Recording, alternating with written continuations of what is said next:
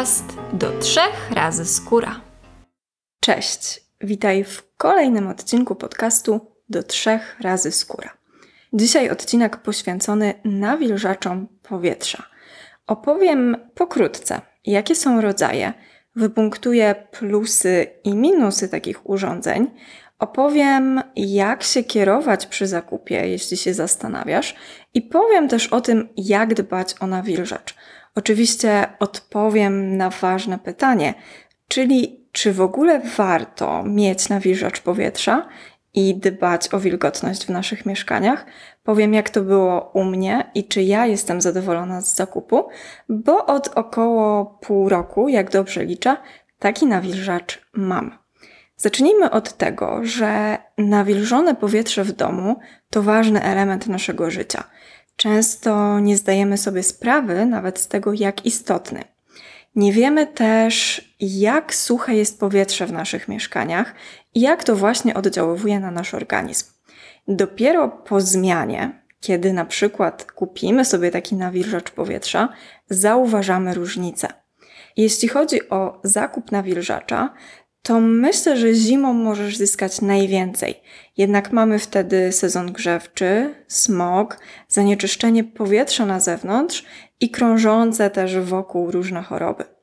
Suche powietrze jest nie tylko niekorzystne dla naszego zdrowia, ale też na przykład dla drewnianych mebli czy naszych domowych roślin. Te drewniane meble albo jakieś drewniane elementy mogą się na przykład rozklejać. I zauważyłam to w swoim mieszkaniu, że dwie przypodłogowe listwy totalnie się odkleiły. Jeśli uderzam w nie odkurzaczem, to już odpadają na maksa. Więc rzeczywiście widać, że to drewno traci swój połysk i suche powietrze zdecydowanie mu nie służy. Suche powietrze to też większa ilość kurzu i drobnoustrojów w powietrzu. Czasem nasz organizm informuje, że coś jest nie tak, daje różne sygnały, na przykład skóra swędzi, czerwieni się, a oczy szczypią. Może się też pojawiać katar czy kaszel. I pierwsze, co wtedy przychodzi nam do głowy, to alergia. Ale nie zawsze jest to alergia właśnie. Czasem winowajcą jest suche powietrze, w którym przebywamy, a będąc w biurze czy w naszym mieszkaniu domu, no jesteśmy tam albo cały dzień, albo przez 8-10 godzin minimum. Optymalna wilgotność dla człowieka to 40-60%. Zimą, gdy ogrzewamy nasze mieszkania, to ta wilgotność może mieć nawet 20%, więc jest ona bardzo niska. U mnie w takim okresie jesienno-zimowym, właśnie w sezonie grzewczym, wilgotność wynosiła około 30%. No dobrze, suche powietrze nie jest dla nas odpowiednie i nie jest dobrym środowiskiem do życia, ale za duża wilgotność też nie jest dla nas dobra. Może powodować rozwój bakterii, roztoczy i pleśni. Taka wilgoć może się też zbierać na ścianach, sufitach i podłogach. Widzimy wtedy takie charakterystyczne plamy, czasem mogą przybierać nawet kolor lekko zielonkawy. I za duża wilgotność to mam tutaj na myśli wartości powyżej 70%, czyli rzeczywiście już naprawdę bardzo wilgotno i tak tropikalnie. Nawilżacze powietrza mają nam zadbać o odpowiedni poziom nawilżenia w naszych domach, mieszkaniach czy też w biurach. Niektóre mają dodatkowe funkcje. Na przykład nie tylko nawilżają, ale też oczyszczają powietrze.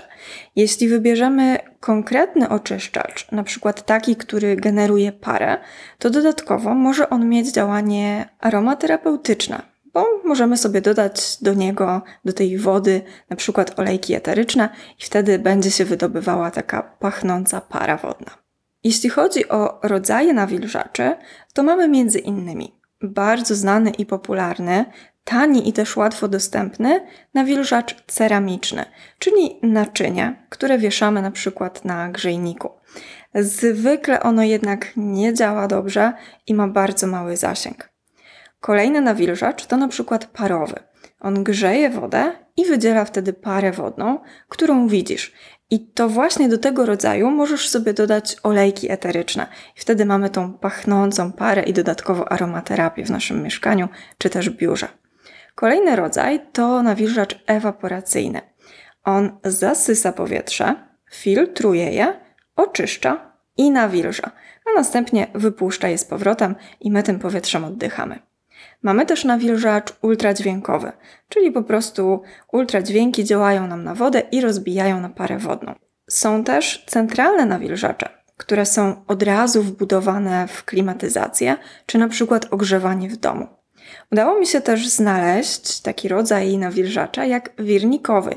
On działa wtedy za pomocą wirujących dysków i wytwarza wtedy chłodną mgłę, bo na przykład parowy grzeje nam wodę i jednak ta para będzie lekko ciepła. Kiedy nie mamy pod ręką żadnego nawilżacza, a potrzebujemy natychmiast na przykład nawilżyć nasze powietrze w domu, to czasem wybawieniem może okazać się bardzo popularna metoda, wydaje mi się, że trochę babcina, czyli wieszanie na grzejniku mokrego ręcznika. Myślę, że na dłuższą metę jest to dosyć pracochłonne i męczące.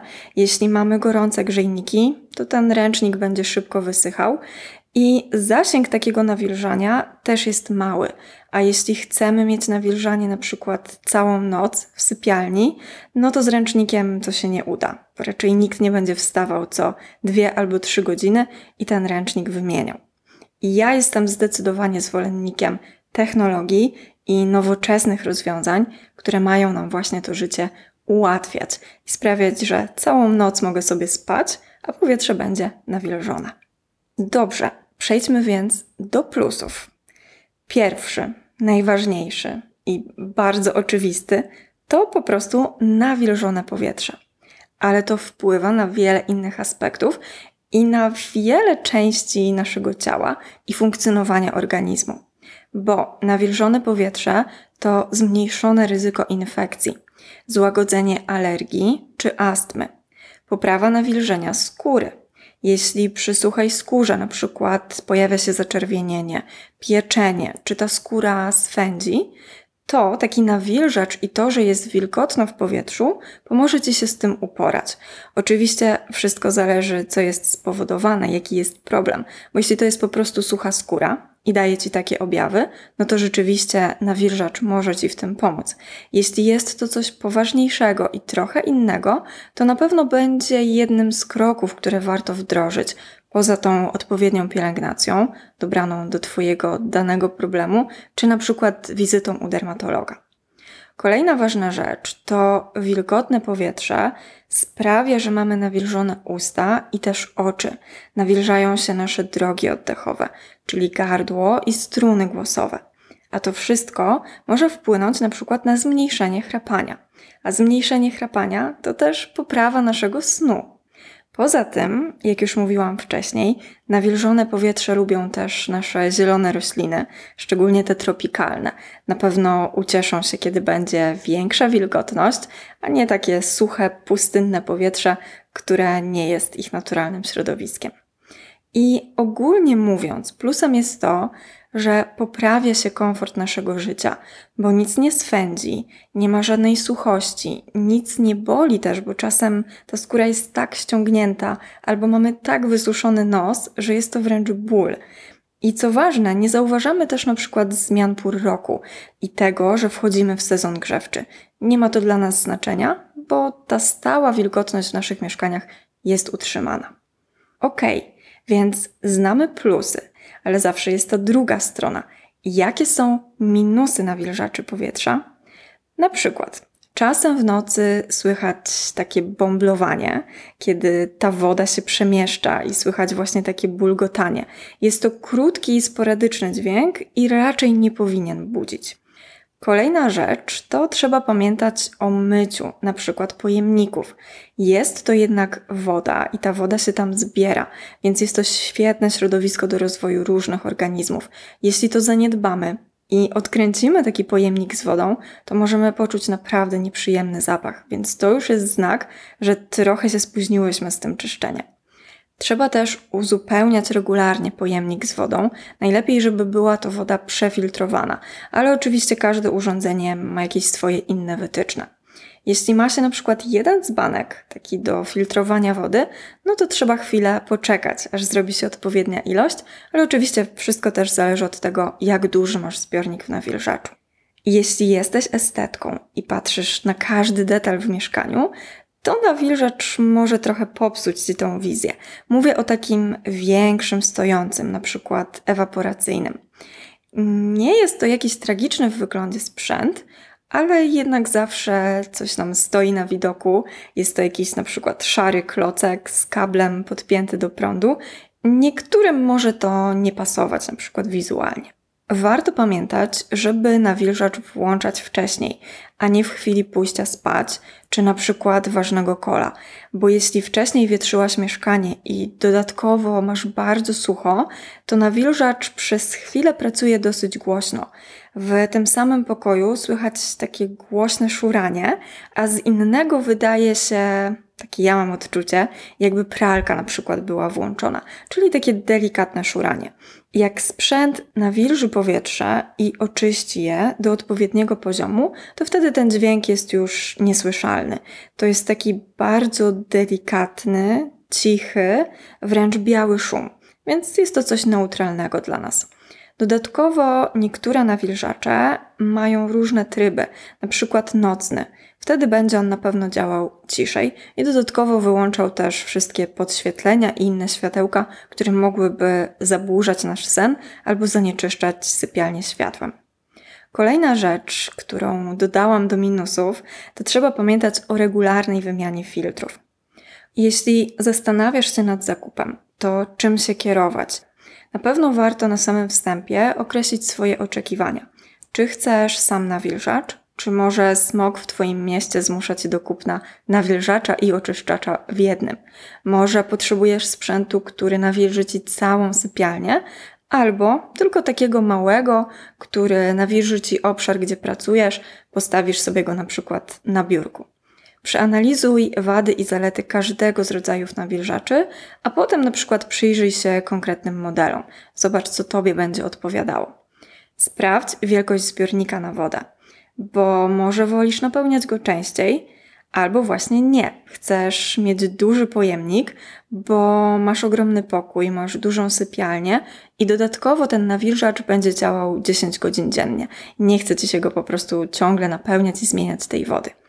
Sprawdź też głośność i dostępne tryby takich sprzętów. Na rynku są bardziej ciche i mniej ciche nawilżacze.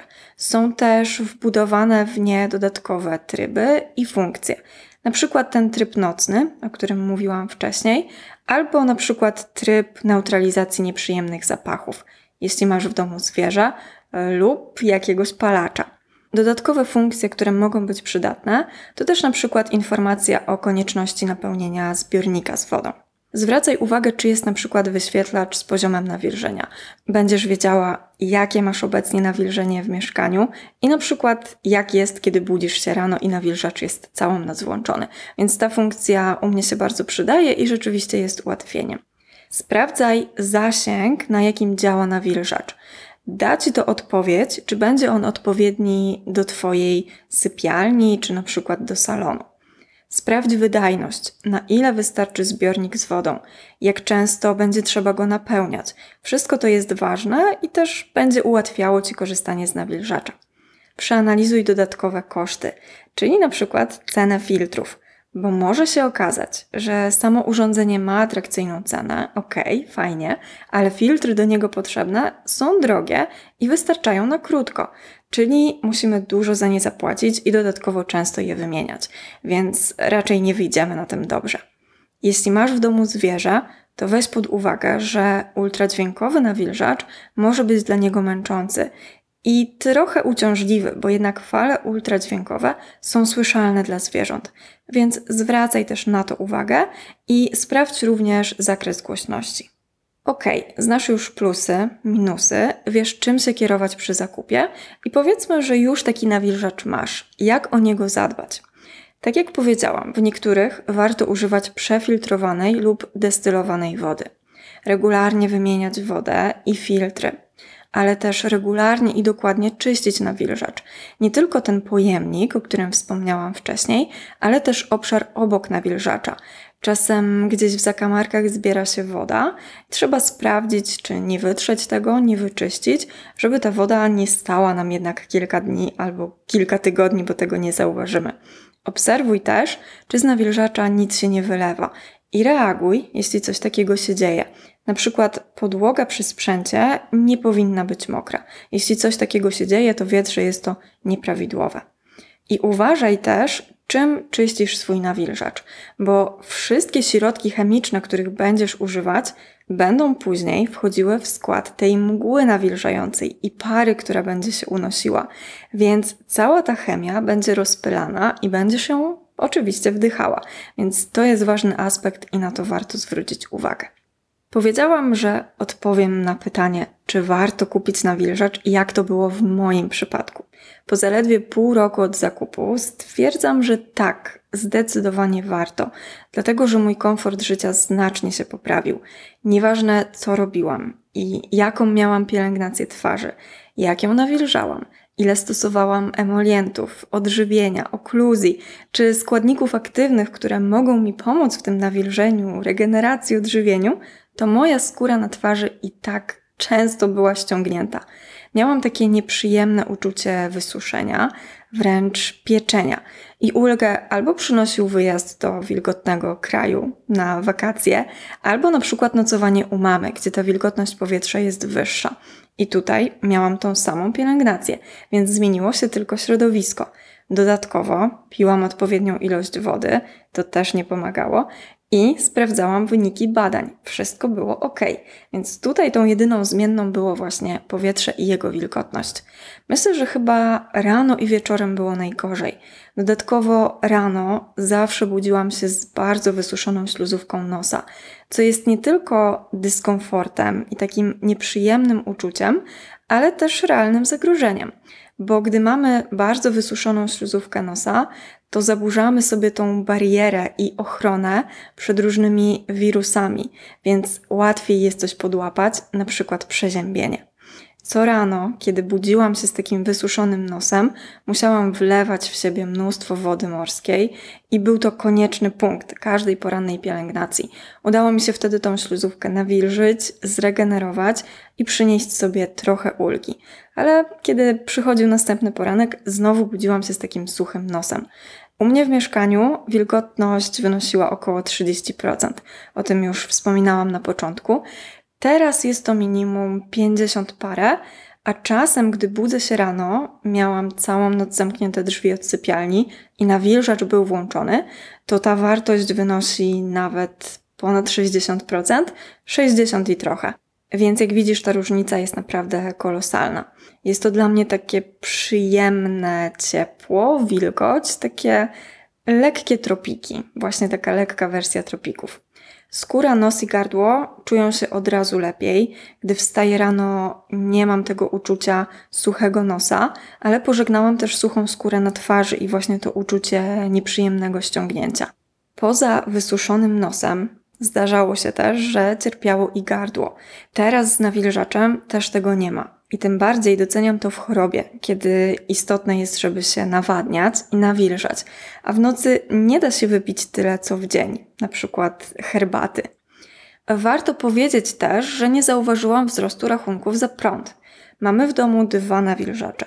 Jeden działa sporadycznie w ciągu dnia w biurze, a drugi w sypialni przez całą noc, każdej nocy. Więc zdarza się, że na przykład nawilżacz jest włączony nawet 12 godzin.